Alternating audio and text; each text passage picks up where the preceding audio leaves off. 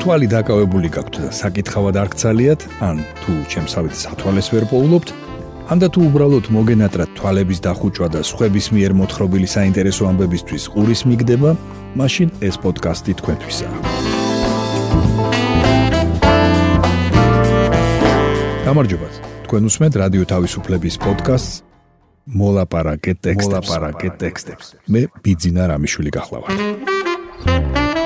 აქ მოქმედი პირები არიან ტექსტები, რომლებსაც რადიო თავისუფლების ვებსაიტზე ვარჩევ თქვენთვის კვირაში ერთხელ და მათ მოსათხრობა ამბებად ვაქცევ ხოლმე.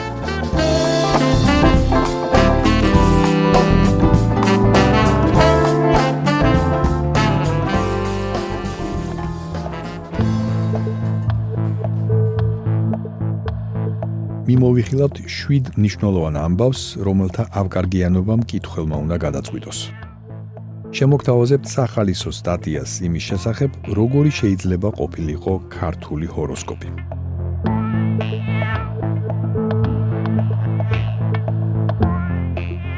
გთავაზობთ სოფო დათიშვილის სტატიას 7 მნიშვნელოვანი ამბავი, რომელიც ცუდი იყო თუ კარგი, თქვენ გადაწყვეტეთ. რადიო თავისუფლებამ 2022 წლის ისეთი ამბები შეკრიბა, რომლებიც შესაძლოა ორგვარად ფასდებოდეს: დადებითად და უარყოფითად.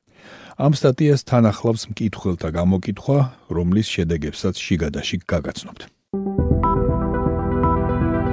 ევროპა რუსული გაზის გარეშე 2022 წელს უკრაინაში წამოწყებული ომის გამო დასავლეთმა რუსეთს უპრეცედენტო სანქციები დაუწესა. ომის დაწყების დღიდან დაიწყო ევროკავშირმა რუსული გაზის ალტერნატიული გზების ძებნაც. სექტემბერში ბალტიის ზღვის ფსკერზე ჩtildeოეთის ნაკადის ორივე მარშრუტის დაზიანებების გამო ევროპა ზამთრის დადგომამდე დარჩა რუსული გაზის გარეშე. თუმცა 2022 წელს მრავალწლიანი მცდელობის შემდეგ ევროპამ შეძლო რუსულ გაზზე დამოკიდებულების შემცირება, რაც მოსკოვის მძლავრი შანტაჟის იარაღი იყო. ევროკავშირმა მაისში წარმოადგინა გეგმა სახელწოდებით Repower EU, რომელიც რუსულ წიაღისეულზე დამოკიდებულების კლებას გულისხმობდა. ენერგიის დაზოგვის, წყაროების დივერსიფიკაციისა და განახლებადი ენერგიის ხარჯზე. ცვლილებები ევროპას ერთი მხრივ საკმაოდ ძვირი, 300 მილიარდი ევრო უჯდება. მეორე მხრივ კი აუცილებელი საკანონმდებლო ცვლილებების მიღება რეკორდულად მცირე დროში გახდა საჭირო. თუმცა დიდ ხარჯებს მოსახლეობის ერთსულოვნება უმყარებდა ზურგს.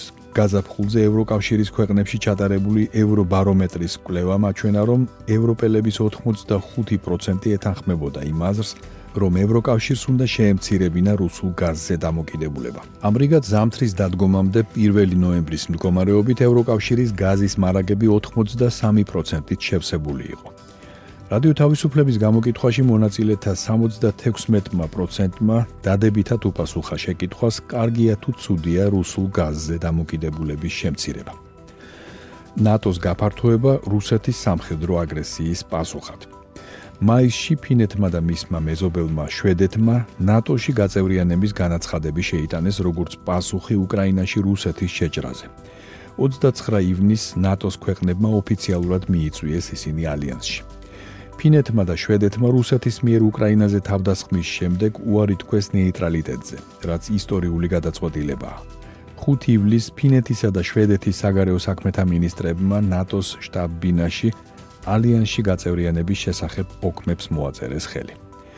ფინეთის საგარეო საქმეთა სამინისტროს ბოლო ცნობით ამჟამად ნატოს წევრი 30 ქვეყნიდან 28-მ მოახდინა ფინეთის გაწევრიანების რატიფიკაცია. თურქეთისა და უნგრეთის მიერ რატიფიკაცია ჯერ არ დასრულებულა. რადიო თავისუფლების მიერ გამოკითხულთა 85% ფიქრობს, რომ კარგია რომ ნატო გაფართოვდება. პლანეტის მოსახლეობა 8 მილიარდი გახდა. 2022 წლის 15 ნოემბერს გაერომ გამოაცხადა, რომ სოფლიოში მოსახლეობის რაოდენობამ 8 მილიარდს მიაღწია. ეს რეკორდული რიცხვია. დედამიწაზე ადამიანების რაოდენობა 7 მილიარდიდან 8 მილიარდამდე 12 წელიწადში გაიზარდა. თუმცა მომდევნო წლებში შესაძლოა პროცესი შენელდეს. გაეროს გათვლებით მომდევნო 1 მილიარდიან ზრდას 15 წელიწადი დასჭირდება. ზრდის დაახლოებით 70% დაბალი და საშუალოზე დაბალი შემოსავლების მქონე ქვეყნებზე მოდის. გაეროს პროგნოზით, აზიისა და აფრიკის ქვეყნებში დაიბადება ყველაზე მეტი ბავშვი მომდევნო წლების განმავლობაშიც. მოსალოდნელია, რომ ჩინეთს მოსახლეობის რაოდენობით გადაუსწრებს ინდოეთი. გაერო განმარტავს, რომ მოსახლეობის რაოდენობის ზრდა ადამიანის სიცოცხლის ხანგრძლივობითაა განპირობებული, რაც თავის მხრივ გამოწვეულია უკეთესი საზოგადოებრივი ჯანდაცვით, კვებით, ჰიგიენის დაცვითა და სამედიცინო მიღწევებით. გამოიწევს თუ არა პლანეტის მოსახლეობის 8 მილიარდამდე ზრდა გლობალური დათბობის დაჩქარებასაც. მეცნიერები ამბობენ, რომ არა. რადგან გამონაბოლქვის დონე მაღალია მდიდარ ქვეყნებში, მოსახლეობის მატება კი საშუალო და ღარიბ ქვეყნებში ხდება. თუმცა მეტი ადამიანი პლანეტაზე ნიშნავს მეტი ცხოველისა და ფრინველის დახოცვას. რადიო თავისუფლების მკითხველთა უმრავლესობის აზრით, დედამიწის მოსახლეობის ზრდა ცუდია, ვინაიდან მეტი ადამიანი მეტ რესურსს მოიხმარს. დასრულდა თუ არა COVID-19-ის პანდემია. მიუხედავად იმისა, რომ 2022 წელს პანდემია თითქმის აღარავის ახსოვდა, ჯანდაცვის მსოფლიო ორგანიზაცია მაინც შეახსენებს ქვეყნებს, რომ კორონავირუს ჯერ კიდევ პანდემიის სტატუსი აქვს. თითქმის 2 წლიანი საგანგებო ზომების შემდეგ მსოფლიომ დაიწყო COVID შეზღუდვების ეტაპობრივი მოხსნა. მოსახლეობამ არაერთ ქვეყანაში მოიხსნა პირბადე და დაიწყო თავისუფლად მიმოსვლა. ნაკლებად აგრესიული გახდა ვირუსი და შემცირდა გარდაცვალების მაჩვენებელი. მიუხედავად იმისა, რომ დეკემბრის ბოლოს კორონავირუსის შემთხვევები მნიშვნელოვნად გაიზარდა ჩინეთში, ქვეყანამ მიიღო გადაწყვეტილება, რომ 8 იანვარს დაასრულებს каранტინს და გახსნის ქვეყნის საზღვრებს. გასაკვირი არ არის, რომ მკითხველთა 64%-ის აზრით ცუდია, რომ პანდემია არ დასრულებულა. მუნდიალი კატარში 2022 წლის მსოფლიო ჩემპიონატი ფეხბურთში კატარში ჩატარდა. ეს იყო ისტორიაში პირველი მუნდიალი, რომელიც ზამთარში გამართა, რადგან ზაფხულში კატარში ძალიან ცხელა.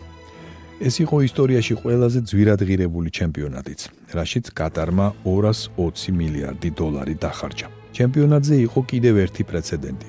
კაცების მსოფლიო ჩემპიონატს პირველად უმსაჯა ქალმა 38 წლის სტეფანი ფლაპარტმა. ეს განსაკუთრებით მნიშვნელოვანი გზავნილი იყო კატარისთვის, რომელიც უკიდურესად კონსერვატიული მუსლიმური ქვეყანაა. კატარში ჩემპიონატის ჩატარება მას შემდეგ გახდა კრიტიკის საგანი, რაც 2010 წელს სამი შესახებ FIFA-მ პირველად გამოაცხადა. ამის მიზეზი კი იყო ის, რომ ქვეყანაში სისტემატურად ირღვეოდა ადამიანის უფლებები. ნავთობითა და გაზით მდიდარ კატარში მსოფლიო ჩემპიონატისთვის 7 ახალი სტადიონი ააშენეს. ეს კი მიგრანტების მძიმე და არაადამიანური შრომის ფასად მოხდა. მაგალითად 2016 წელს Amnesty International-მა დაწერა, რომ სტადიონების, სასტუმროებისა და გზების მშენებლობებზე გაუსაძლის პირობებსა და 40 გრადუსიან სიცხეში მუშაობდნენ. დღეში 14-18 საათს დასვენების გარეშე. მუშების საშუალო ხელფასი თვეში 220 დოლარი იყო. წლებია კატარში სისტემურად ირღვევა LGBT ადამიანების უფლებები. Human Rights Watch-ის ინფორმაციით, მხოლოდ 2019-2022 წლებში პოლიციელებმა სცემეს 6 ადამიანს და სექსუალურად იძალადეს 5-ზე. ჰომოსექსუალობა ქვეყანაში კრიმინალიზებულია. ამის გამო ჩემპიონატზე აკრძალული იყო LGBT ადამიანების მხარდამჭერი სიმბოლიკის გამოყენება. რადიო თავისუფლების მიერ გამოკითხულთა 52% ფიქრობს, რომ ცუდია მუნდიალის იქ ჩატარება, სადაც ირღვევა ადამიანის უფლებები. დეპი ჰერდის წინააღმდეგ. პირველ ივნის შეერთებულ შტატებში ვირჯინიაში გამართულ სასამართლო პროცესზე ნაფიცმა მსაჯულებმა მსახიობი ემბერ ჰერდი ერთხმად ცნეს დამნაშავედ თავისი ყოფილი ქმრის, მსახიობ ჯონი დეპის რეპუტაციის შებრალვაში. გახმაურებული საქმე სასამართლოში თითქმის 2 თვე განიხილებოდა და ამან ამერიკის საზოგადოებაში ოჯახური ძალადობის შესახებ დისკუსიების ახალი ტალღა წარმოშვა. ჰერდი დამნაშავედ ცნეს ბრალდების ყველა პუნქტში.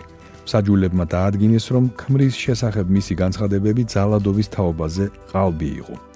ამ გადაწყვეტილებამ საზოგადოებაში გააჩინა განცდა, რომ ქალთა ძალადობის წინააღმდეგ დაწყებული კამპანია Me Too შეირღა.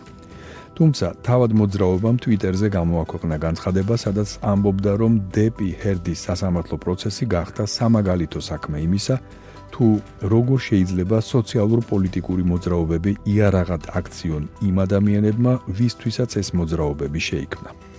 მითუმ ასევე განაცხადა, რომ მოძრაობა ცოცხალია და ის ჰეშტეგზე უფრო მეტია ბევრი ქალისთვის.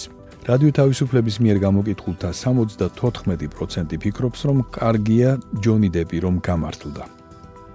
ილონ მასკმა ტვიტერი იყიდა. 27 ოქტომბერს მსოფლიოს უმდიდრესმა ადამიანმა ილონ მასკმა Twitter-ი 44 მილიარდ დოლარად იყიდა.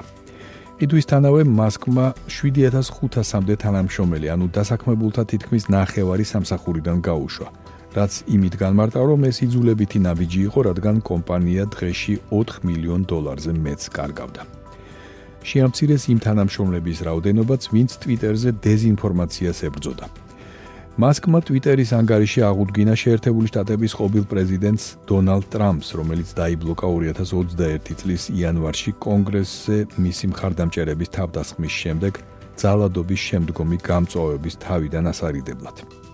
მასკის გადაწყვეტილებების მიმართ კრიტიკის ფონზე მილიარდერმა დეკემბრის ბოლოს გადაწყვიტა, რომ გადადგება კომპანია Twitter Incorporated-ის აღმასრულებელი დირექტორის პოსტიდან, როცა თავის შემცვლელს იპოვის. თუმცა კლავ უხელმძღვანელებს სოციალური მედიის ამ პლატფორმის მნიშვნელოვან დანაყოფს. ეს განცხადება მოხდა Twitter-ის მოხმარებელთა გამოკითხვას მასკის ინიციატივით, რომელშიც მათ ხარი დაუჭირეს მის გადადგომას. მე გადავდგები აღმასრულებელი დირექტორის პოსტიდან, მაშინვე როგორც კი ვიპოვი პირს, რომელიც საკმარისად სულელი იქნება იმისთვის, რომ დათანხმდეს ამ თანამდებობაზე მუშაობას. ამის შემდეგ მე ვუხელმძღვანელებ სოფტვერის და სერვერების გუნდებს, დაწერა მასკმა Twitter-ზე. რადიო თავისუფლების გამოკითხვა მაჩვენა, რომ კითხველთა 56%-ის აზრით ცუდია, რომ მასკმა Twitter-ი იყიდა. თქვენ მოისმინეთ სოფო დათიშვილის სტატია 7 მნიშვნელოვანი ამბავი, რომელიც ცუდი იყო თუ კარგი, თქვენ გადაწყვიტეთ.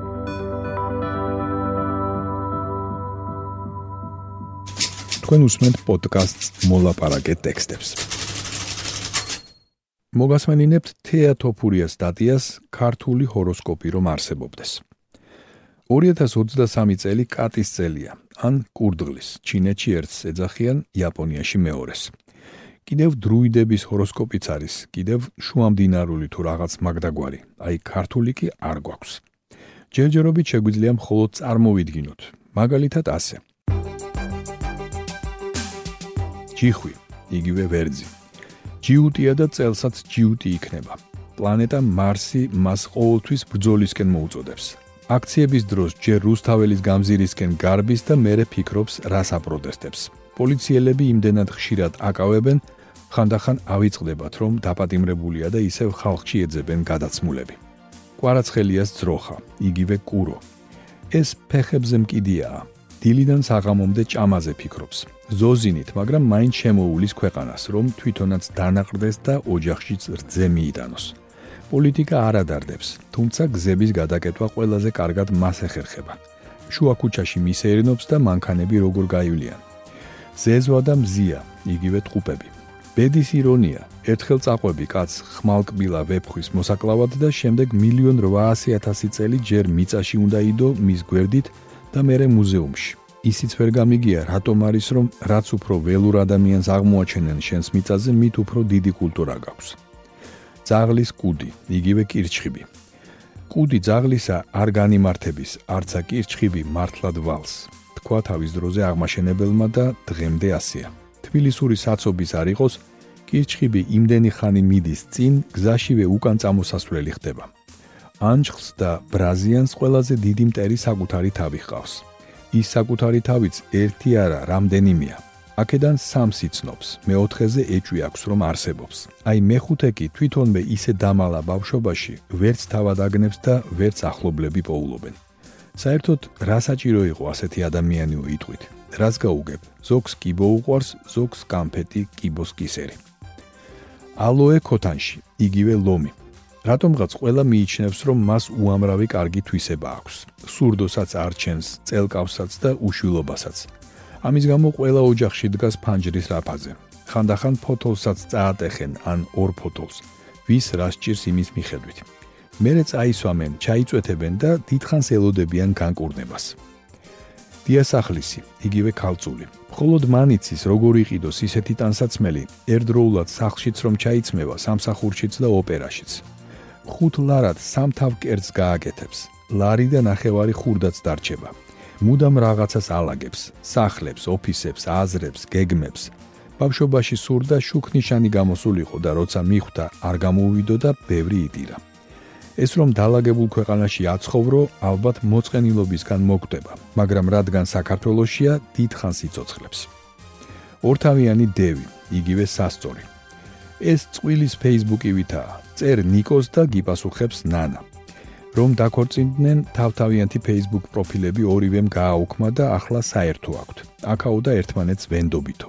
თუ ენდობოდით, ცალცალკე დარჩენილიყავით, მაგრამ არა ორთავიანმა დევმა უკეთ იცის, თავი როგორ გაიწონა სწოროს. იცის ალბათ. ტირისკონი, იგივე მორიელი. ტირისკონი ძველად ნოემბერს ერქვა. სწორედ ამ თვეში იბადებიან მორიელები. აი, როგორი რთული გამოსათქმელით სიტყვა ფრთხილად არის უცხოელისთვის, ზუსტად ისეთი ხასიათი აქვს მორიელს. ფრთხ. კიდევ კარგი ნიჭიერები მაინც არიან, თორემ მაგათ რა აიტანდა. ასეთი ხალხია, თან უნდა უფრთხილდე, თან უნდა გაუფრთხილდე. ყანწი, იგივე თხის რქა. განსხვავებულია და უკომპრომისო.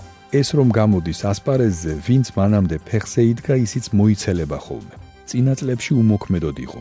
აღსანიშნავი არაფერი ჰქონდა, მაგრამ ახლა ზოგმა ოპტიმისტმა მაინც გააპრიალა სახელოთი.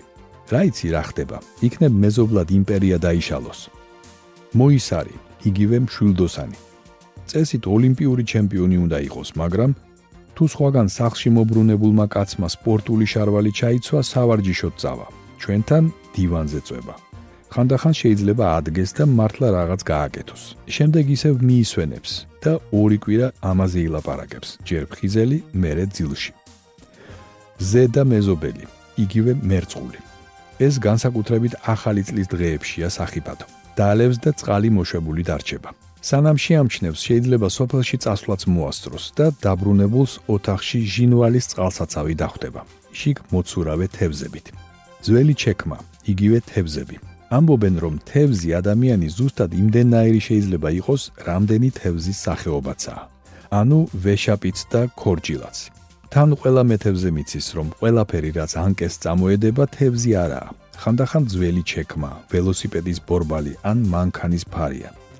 საინტერესოა რა მოჰქონდათ მეთევზეებს მტკვრიდან წინა საუკუნეებში, როცა მტკვარი ჯერაც გამჭირვალე და ისეთი სუფთა იყო, რომ სვამდნენ.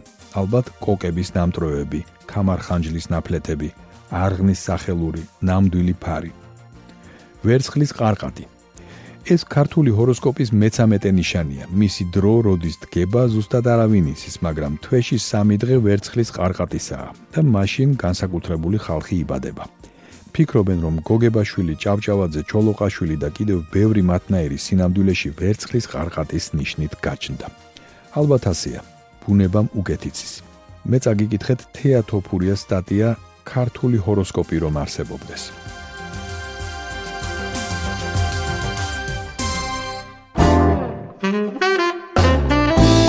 თქვენ მოისმინეთ რადიო თავისუფლების პოდკასტი მოლაპარაკეთ ტექსტები. მე კვირაში ერთხელ ვარჩევ რადიო თავისუფლების ვებსაიტზე გამოქვეყნებულ ტექსტებს და მათ მოსათხრობამდე ვაქცევ ხოლმე. ჩვენი პოდკასტი შეგიძლიათ გამოიწეროთ, ჩამოტვირთოთ ან მოისმინოთ პირდაპირ რადიო თავისუფლების ვებსაიტზე. მისი მისამართია რადიო თავისუფლება.ge. თუ ჩემი მიერ მოთხრობილი ტექსტები სრული სახით დაგაინტერესებთ, მათი მოძებნა იულია. ვებსაიტზე, პოდკასტის გვერდზე იპოვეთ ყოველ ცალკეულ პროგრამაში მოთხრობილი ტექსტების ბმულებს. მე ბიძინა რამიშვილი ვარ. მომავალ შეხვედრამდე.